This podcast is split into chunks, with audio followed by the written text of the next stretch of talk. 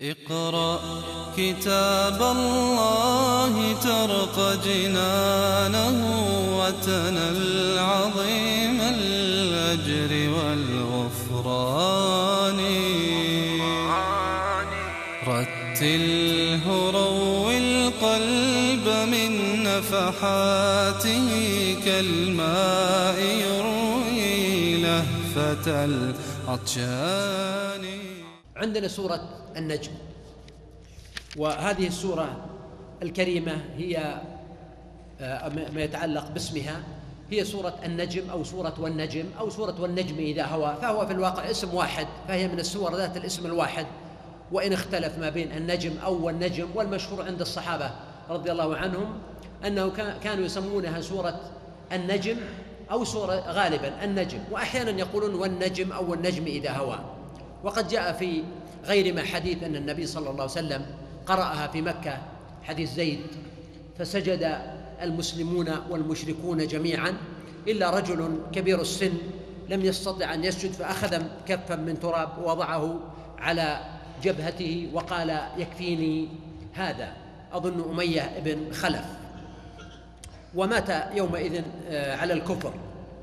فهذه السورة العظيمة في الواقع أنها سورة يعني قوية وأنا حقيقة أشعر ب يعني حب وجاذبية لهذه السورة في تلاوتها وقراءتها ولذلك من جماليات القرآن أن تستمع إلى المصحف بقراءة قراء مجودين سواء كانت قراءة الحدر أو قراءة الترتيل والتطويل ولكل قراءة ميزاتها. فالأصوات الجميلة آه، تكشف عن معاني وإعجاز ولذلك جاء في الحديث في البخاري زينوا القرآن بأصواتكم. فالصوت الحسن وهو نعمة والنغمة الحسنة تكشف عن تجليات ومعاني وجماليات جديدة في النص القرآني. وهذه السورة سورة مكية عند جماهير المفسرين والعلماء وهو الصحيح. وقد روي عن الحسن أنها مدنية وهذا قول آه، ضعيف جدا. وقال بعضهم إن فيها آية مدنية وهي قوله سبحانه الذين يجتنبون كبائر الإثم والفواحش إلا اللمم وهذا أيضا فيه نظر فالسورة مكية كلها. وربما تكون نزلت والله أعلم دفعة واحدة وعدد آياتها ثنتان وستون آية أو واحد وستون آية على اختلاف بين علماء العد. والنجم إذا هوى أيضا قسم. ويقسم ربنا سبحانه هنا بالنجم. هل المقصود أي نجم من النجوم الموجودة في السماء؟ هذا محتمل. ويمكن أن يكون القسم بنجم خاص. فإن كان القسم بنجم خاص فيمكن أن يكون القسم بالثريا لأنه نجم معروف عند العرب. وكثير من مواثيقهم وتواقيتهم توقيتاتهم في الزمان وفي الرعي وفي الزرع وفي غيرها مرتبطة نجم الثريا أو نوء الثريا. ولذلك كانوا يقولون من الأمثال العربية طلع النجم عشاء. طلب الراعي كساء. إذا طلع النجم في الليل نجم الثريا. معنا جاء البرد فالراعي يريد الكساء. طلع النجم غدية الغداة الفجر. طلب الراعي شكية. وش الشكية؟ الشكية هي عبارة عن وعاء من جلد صفن تعرفون الصفن؟ وعاء من جلد يوضع فيه اللبن أو يوضع فيه الماء معناه أنه جاء وقت الحر فهو يحتاج إلى الراعي إلى الشراب. فيحتمل أن يكون النجم إذا كل نجم قسم بالنجوم مثل ما قال سبحانه فلا أقسم بمواقع النجوم. ويحتمل أن يكون قسما بنجم خاص. كالثريا أو كنجم الشعرى والشعرى نجم تقدسه العرب أو بعض قبائل العرب كانوا يعبدونه. ورد أن خزاعة كانوا يعبدون نجم الشعرى وقد جاء أن ابن أبي كبشة وهو يعني قريب للنبي صلى الله عليه وسلم جد قريب له أنه كان ينسب إليه أنه كان يعبد الشعرى ولذلك أقسم الله تعالى بها هنا. ليس على سبيل موافقتهم بل على سبيل كشف أنه لا يمكن أن تعبد من دون الله. فقال سبحانه والنجم إذا هوى. ويحتمل أن يكون المقصود بالنجم نجم الأرض كما قال بعضهم. فإن النبات كما قال هل الرياح بنجم الأرض عاصفة أم الكسوف لغير الشمس والقمر؟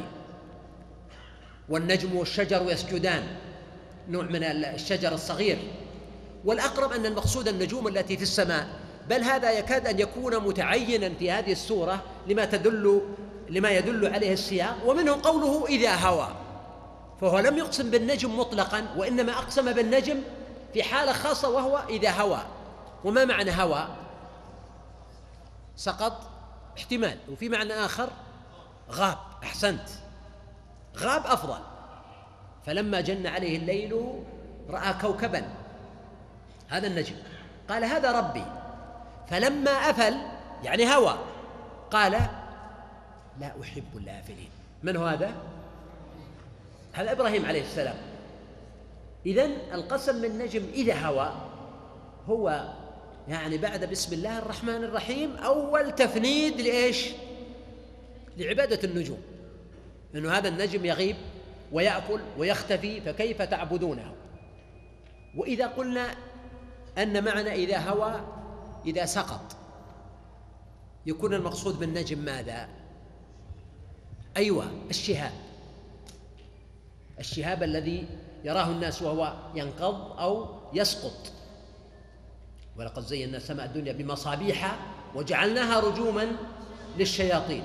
إلا من خطف الخطفة فأتبعه إيش؟ شهاب ثاقب ممتاز. إذا المقصود النجم الكوكب إذا غاب أو أفل. ما ضل صاحبكم وما غوى. سبحان الله. ما ضل نفى عنه أولا الخطاب لمن؟ للمشركين. والغريب أن الخطاب في السورة مباشر وقوي وطويل مع المشركين. بشكل مباشر يوجه الخطاب لهم مباشرة ولذلك القسم هذا موجه لهم ولعل من أسرار ذلك أن الله تعالى لم يطل في القسم وإنما اقتصر على آية واحدة أقسم بالنجم إذا هوى. ما ضل صاحبكم فسماه صاحبا لهم. وقال وما صاحبكم بمجنون. ما بصاحبكم من جنة. إذا كثرت الآيات التي تشير إلى صاحبكم.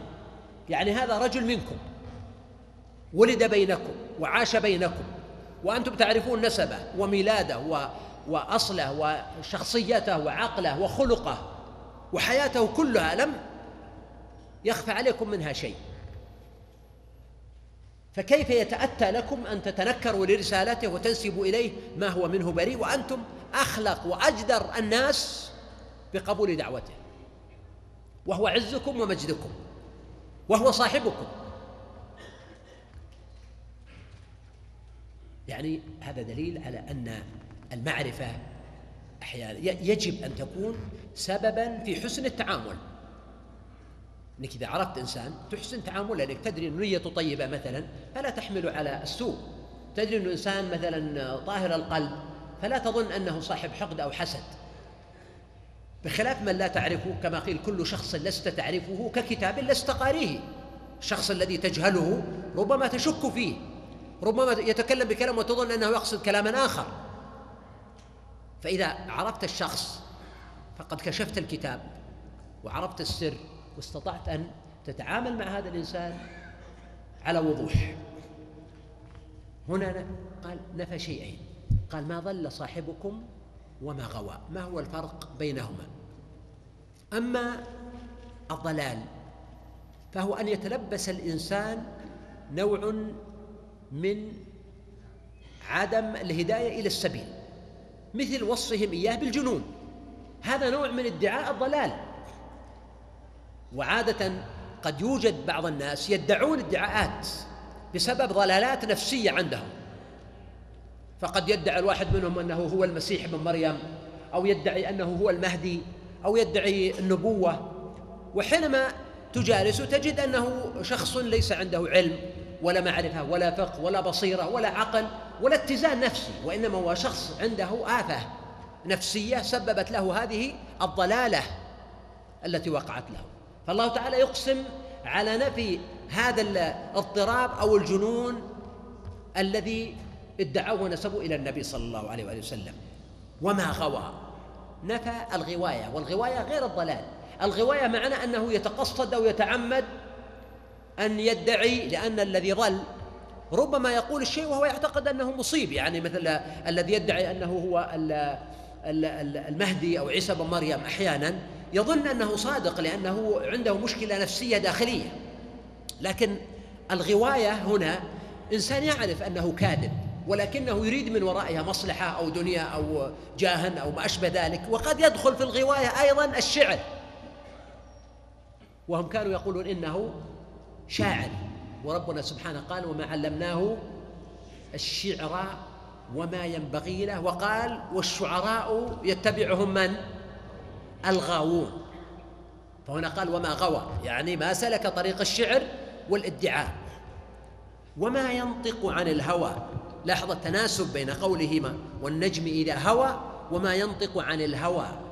الهوى هو ما تهواه النفس وما تميل إليه. فالله سبحانه وتعالى يقول ما ينطق هذا النبي المصطفى المختار عن الهوى بمجرد تشهي إن هو إلا وحي يوحى. فقوله وما ينطق عن الهوى إشارة إلى ضبط منطقه عليه الصلاة والسلام وأن منطقه مزكى. وهذا يعني أولا القرآن الكريم لأنه الوحي الذي يوحى. ولكن لا يمنع حتى مع إرادة القرآن الكريم أن يكون ذلك تزكية لمنطقه عليه الصلاة والسلام عامة أنه لا ينطق عن الهوى ولذلك كان يمزح ولا يقول إلا حقا. وكان صلى الله عليه وآله وسلم يقول المحكمات الجوامع من الأقوال حتى إن من العلماء من جمعوا الأحاديث النبوية مثل ما فعل السيوطي الأحاديث النبوية المختصرة التي جرت مجرى المثل والحكمة. في وجازتها واختصارها وحكمتها فقد أوتي جوامع الكلم عليه الصلاة والسلام ودان له بذلك البعيد والقريب. فهو صلى الله عليه وسلم لا ينطق عن الهوى وإذا كان لا ينطق عن الهوى إذا كان الله تعالى صان منطقه عن الهوى فمن باب أولى لأن المنطق هو أبلغ تعبير عن الإنسان ولذلك يقول زهير أظن يقول لسان الفتى نصف ونصف فؤاده فلم يبق إلا صورة اللحم والدم وكائن ترى من صامت لك معجب زيادته أو نقصه في التكلم. فالإنسان يقول نصفين نصف لسانه ونصف فؤاده. طبعا اللسان يعبر عما في الفؤاد فلم يبق إلا الكلام. وربما إنسان صامت يعجبك فإذا تكلم زاد عندك بحلاوة منطقه أو نقص عندك بنقص منطقه. فإذا صان الله تعالى منطقه عن الهوى فقد صان الله تعالى كل أفعاله واعتقاداته وأحواله ومشاعره عن الهوى. فهو صلى الله عليه وآله وسلم صنعه الله تعالى على عينه وزكاه واصطفاه في أفعاله وأقواله. ولذلك لما كانت قضية عبد الله بن أبي الصرح بعد فتح مكة وجاء الرجل وقد أهدر النبي صلى الله عليه وآله وسلم دمه. فجاء يطلب ومعه عثمان رضي الله عنه يطلب من النبي عليه السلام أن يعفو عنه. فسكت النبي صلى الله عليه وسلم برهة. ثم حقن دمه. وبعد ذلك قال لبعض الصحابة ما دام أن الرجل قد أهدر دمه لماذا لم تقتلوه قبل أن أحقن دمه؟ قالوا يا رسول الله هل لا أومأت إلينا؟ هل لا غمزت إلينا بطرف عينك؟ فماذا قال عليه الصلاة والسلام؟ لا ينبغي لنبي أن يكون له خائنة الأعين. لم يقبل صلى الله عليه وسلم على عدو مهدر الدم لأنه انتهك حرمات أن يغمز لأصحابه بطرف عينه إنه عاجلوا بالقتل. فتعامله في غاية الوضوح والتجرد والصفاء. فزكى الله تعالى منطقه وزكى قوله وفعله. إن هو إلا وحي يوحى. أي القرآن الكريم. والوحي هو الصوت الخفي. والمقصود أن الله تعالى بعث جبريل بهذا الوحي إلى محمد عليه الصلاة والسلام. قوله إن هو يعني منطقه. أو المفهوم من قوله هو ما ينطق عن الهوى. أو المقصود القرآن المفهوم من السياق. ثم قال علمه شديد القوى. علمه إياه. شديد القوى. أي جبريل هو الذي علم النبي صلى الله عليه وآله وسلم القرآن. علمه فالضمير الهاء يعود إلى النبي صلى الله عليه وسلم أو يعود إلى القرآن الكريم. يعني جبريل علم النبي صلى الله عليه وسلم أو جبريل علم القرآن للنبي عليه الصلاة والسلام. ووصف جبريل وجبريل هو الذي كان ينزل بالوحي على الأنبياء السابقين وهو المخصص لهذه المهمة الجليلة العظيمة منذ البداية. قال علمه شديد القوى ذو مرة فاستوى. فوصف جبريل عليه السلام بأنه شديد القوى أي قوته شديدة في جسمه وما أعطاه الله تعالى من القدرة حتى ورد أن النبي صلى الله عليه وسلم رآه مرتين على صورته التي خلق عليها وقد سد الأفق له ستمائة جناح سادا عظم خلقه ما بين الأفقين. فهذا معنى قوله شديد القوى. أي شديد القوة. وقوله ذو مرة المرة أيضا تعني القوة لكنها تعني نوعا آخر من القوة وهو القوة المعنوية في قوة العقل وقوة الفهم وقوة الحكمة. وما أعطاه الله تعالى من هذه المعاني التي تميز بها. ذو مرة علمه شديد القوى ذو مرة فاستوى وهو بالأفق الأعلى. استوى أي تهيأ واستعد لهذه المهمة الجليلة العظيمة وهو بالأفق الأعلى. أي جبريل عليه الصلاة والسلام كان بالأفق الأعلى. وقد نزل إلى النبي عليه الصلاة والسلام. والأفق هو منتهى ما يراه الطرف ما بين نهاية الأرض والسماء يعني ملتقى الأرض والسماء في الأفق في المشرق أو المغرب. فالنبي صلى الله عليه وسلم رأى جبريل في الأفق ولذلك قال وهو بالأفق الأعلى. يعني كان في أعلى الأفق ثم دنا أي نزل قليلا قليلا. هنا لاحظ أن الله سبحانه وتعالى يخاطب المشركين ويصف لهم بالتفصيل كيفية نزول الوحي. وجبريل وكيف ينزل وكيف يلتقي بالنبي صلى الله عليه وسلم وكيف يلقنه ويلقيه. الوحي من أجل أن يتدربوا على مثل هذه المعاني التي قد تبدو غريبة على بيئة أمية مثل بيئة قريش ولا عهد لهم بها. يعني ما أتهم من نذير من قبلك. فهم عند ليس عندهم ثقافة تتعلق بمعرفة الأنبياء والرسل والملائكة والوحي وطريقة نزوله وأنواعها. فلذلك الله سبحانه وتعالى هنا فصل لهم قال وهو بالأفق الأعلى. أي أن جبريل كان بالأفق وقد رآه النبي صلى الله عليه وآله وسلم ثم دنا جبريل فتدلى. وتدلى يعني نزل قليلا قليلا يعني لم يكن نزوله سريعا أو مفاجئا أو سقوطا وإنما نزل قليلا قليلا وكأنه يمشي نحو الأرض من هذا الأفق. فكان قاب قوسين أو أدنى يعني من النبي صلى الله عليه وآله وسلم. وهذا أيضا تدريب للنبي نفسه صلى الله عليه وسلم لأنه لم يكن يتوقع ولا ينتظر. ففوجئ بالوحي ولذلك فجأه الملك لما كان بغار حراء وقال غطني أو غتني حتى بلغ مني الجهد.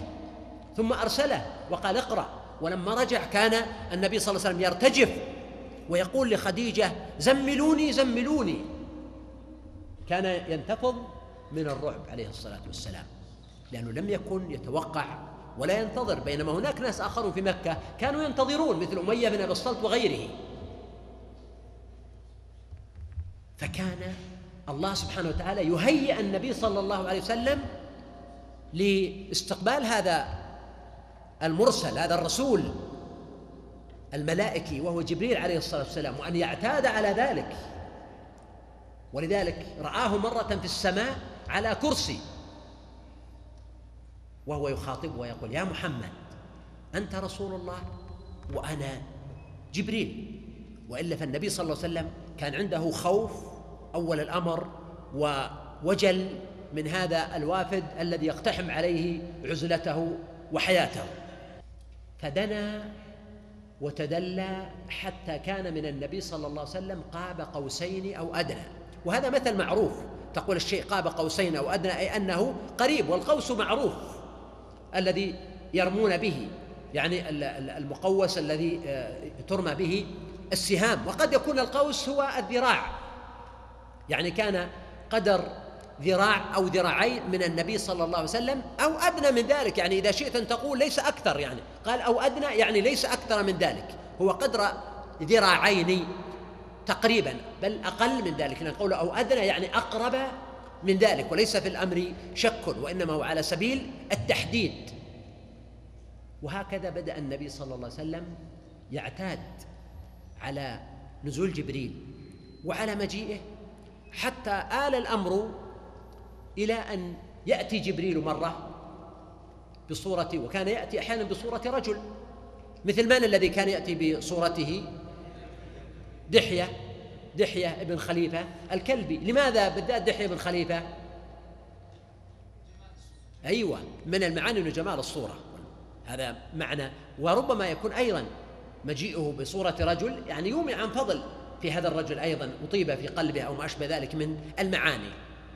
فالمقصود مرة جبريل جاء للنبي صلى الله عليه وآله وسلم بصورة رجل كما يقول عمر رضي الله عنه بينما نحن جلوس عند النبي صلى الله عليه وآله وسلم إذ جاء أو طلع علينا رجل شديد بياض الثياب شديد سواد الشعر شباب مثل ضيف ضيف إبراهيم المكرمين لا يرى عليه أثر السفر هو غريب ومع ذلك لا يرى عليه أثر السفر.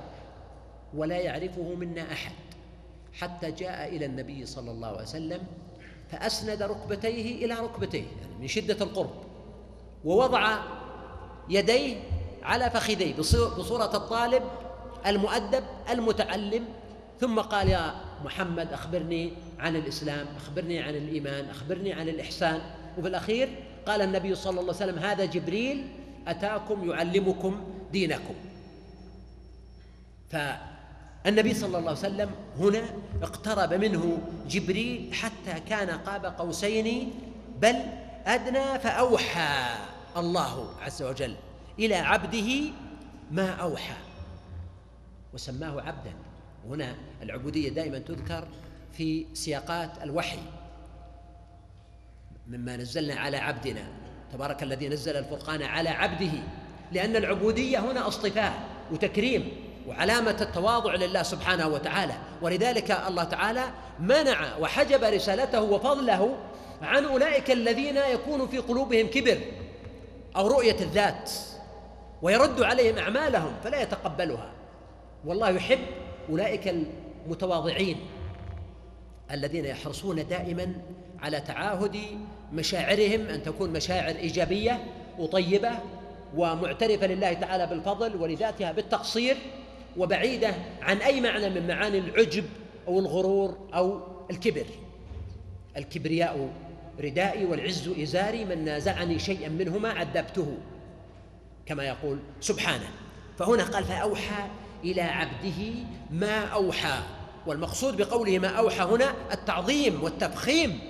لهذا الوحي الذي ينزل به جبريل عليه الصلاة والسلام ما كذب الفؤاد ما رأى فؤاد النبي صلى الله عليه وآله وسلم فيما رأى لم يكذب وإنما كان صدقا وحقا. اقرأ كتاب الله ترق جنانه وتنل عظيم.